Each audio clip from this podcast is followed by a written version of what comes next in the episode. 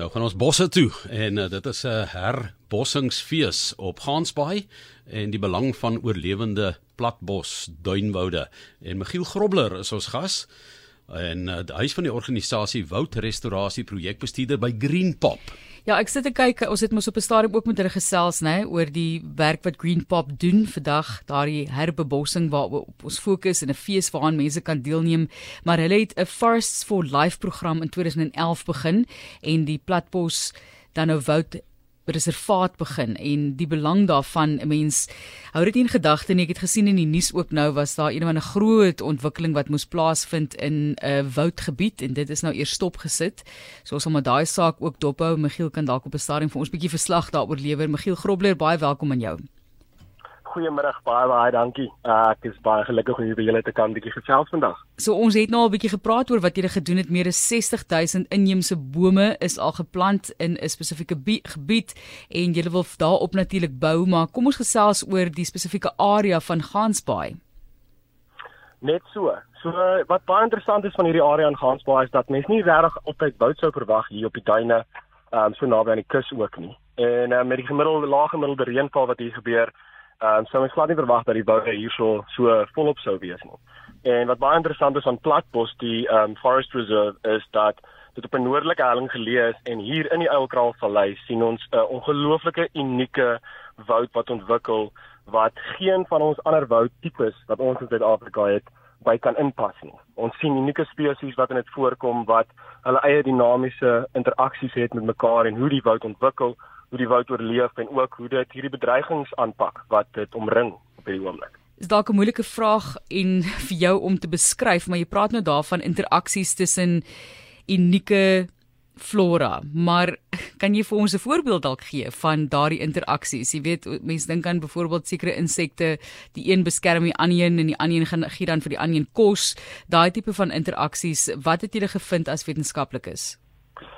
So volgens ehm um, die een uh hoofbestuurder daar by Platbos Frans Kriege, ehm um, sy kennis in die woud daar is ongelooflik diep en hy het al bitter jare daar spandeer en die woud bitter goed leer ken. En wat hy agtergekom het daar is dat ons sien 'n baie unieke ehm um, uh, seksuele uh nie uh, nie seksuele ehm um, voortplanting wat daar plaasvind.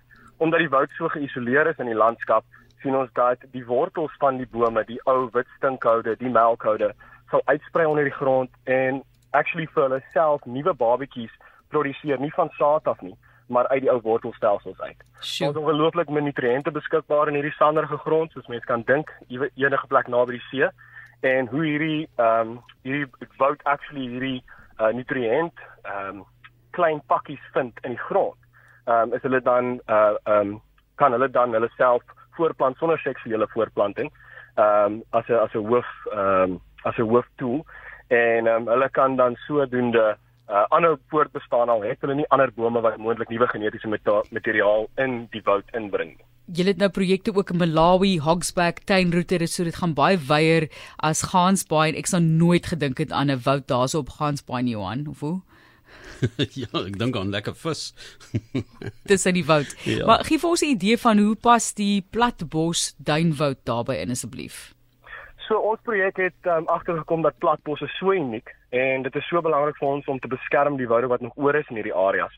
Veral in plekke soos Gansbaai waar jy uh, klein dorpies of groot dorpe naby het, weet ons dat landbou eerste prioriteit is in hierdie areas en enige plek waar daar moontlik landbou kan geskied, maak mense gebruik daarvan.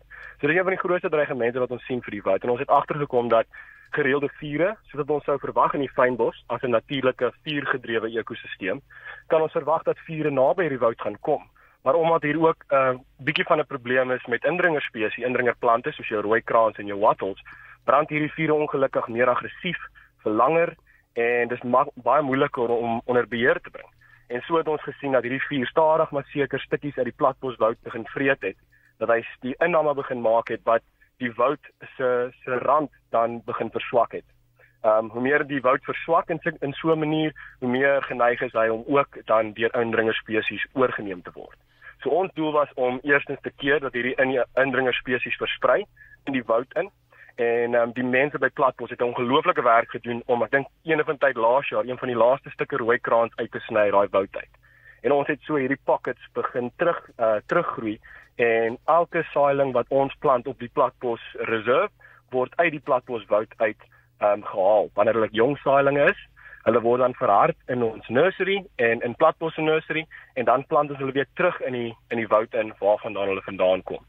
So ons probeer so min as moontlik om ander um, spesies in te bring en ons gebruik die spesies wat wragtig hier voorkom om daai gaatjies toe te stop om seker te maak dat platbos vir die volgende paar jaar 'n sterker kans het om hierdie bedreigings te kan te kan teenstaan. Ons gas is Michiel Grobler. Michiel, daar's baie water onder ondergrondse water. Dis ek het daarby Elim rond gaan kuier in die Vlei-land gebied is eintlik aangrypend daar.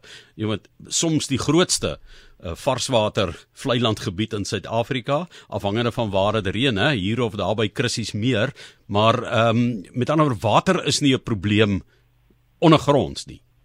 Dit dit is dit is korrek. Sover ons kan sien is daar maniere waarop die woud hierso water kan kry. Ehm um, een baie interessante feit is dat 'n groot deel van die uh van die vog wat hier in hierdie ehm um, Eilkraalvallei inval, kom uit die see uit en dis hierdie addisionele vog wat uit die see uit ook kom wat addisionele water dan kan gee aan die boogrondse deel van die woud. Ehm um, hier is enkele klein stroompies en riviertjies wat deurloop, maar ook as gevolg van jare se gebruik en so sien ons dis ongelooflik baie kleiner as wat dit moet wees. En sodoende is hierdie woud ongelooflik sterk om 'n manier te vind om water in die hand te kry en ook nutriënte in die hand te kry. En hy ondergrondse wortelnetwerk wat self voortplant. Dit is nou is dit soos loetjies wat uitskiet uit die wortel uit. Dis nou nie aparte stukkies wortel wat nou eenkant 'n boontjie vorm nie. Net soos jy daar sê.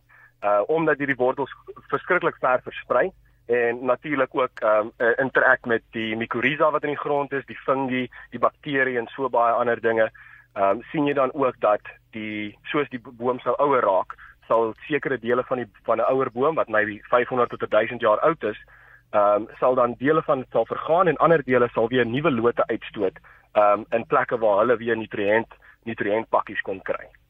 Jy dit bly ongelooflik as mens dink jy het net nou verwys na die sanderige grond daar, hoeveel hoe die wortelstelsel ook dan 'n rol speel seker om die woud te anker, né?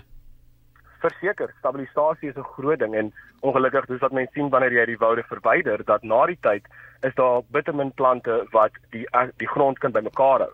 En dan sien ons goeie soos erosie, ons sien grondverskywings, ons sien dat landskappe moontlik kan verander as gevolg van die feit dat soveel van die grond nou oop is tot soveel ander weerstoestande. Net laastens, jy het verwys na fees. Jy ken ons nou ons Suid-Afrikaners, ons ons hou van 'n fees. Hoe kan ons deelneem aan die herbebossingsfees? Kan ek gaan help bome plant?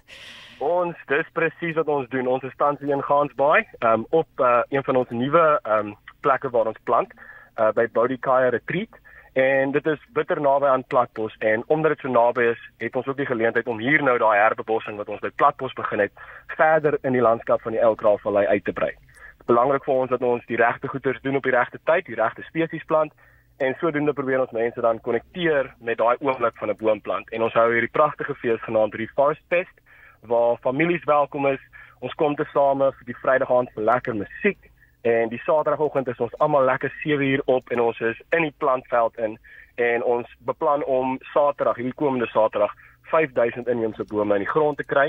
En ehm um, wat dan gebeur is die die Saterdag is daar 'n lekker partytjie na die tyd en Sondag sit ons heeldag en luister na praatjies en workshops en dit is 'n 'n spasie wat ons graag wil maak waar mense kan hulle self weer verbind met die natuur mm -hmm. en hulle gaan 'n bietjie vuil maak en saamkom en 'n bietjie 'n gat te grou en 'n boom te plant. Dis absoluut wonderlik, Michiel Grobber. Nou weet ons wie maak vir Gans baie lekker. Mooi. Dankie Michiel. Ja, voel daardie grond onder jou vingers. Nou Michiel Grobler is woudrestaurasieprojek bestuurder by Green Pop. Jy kan hulle gaan opspoor. Green Pop.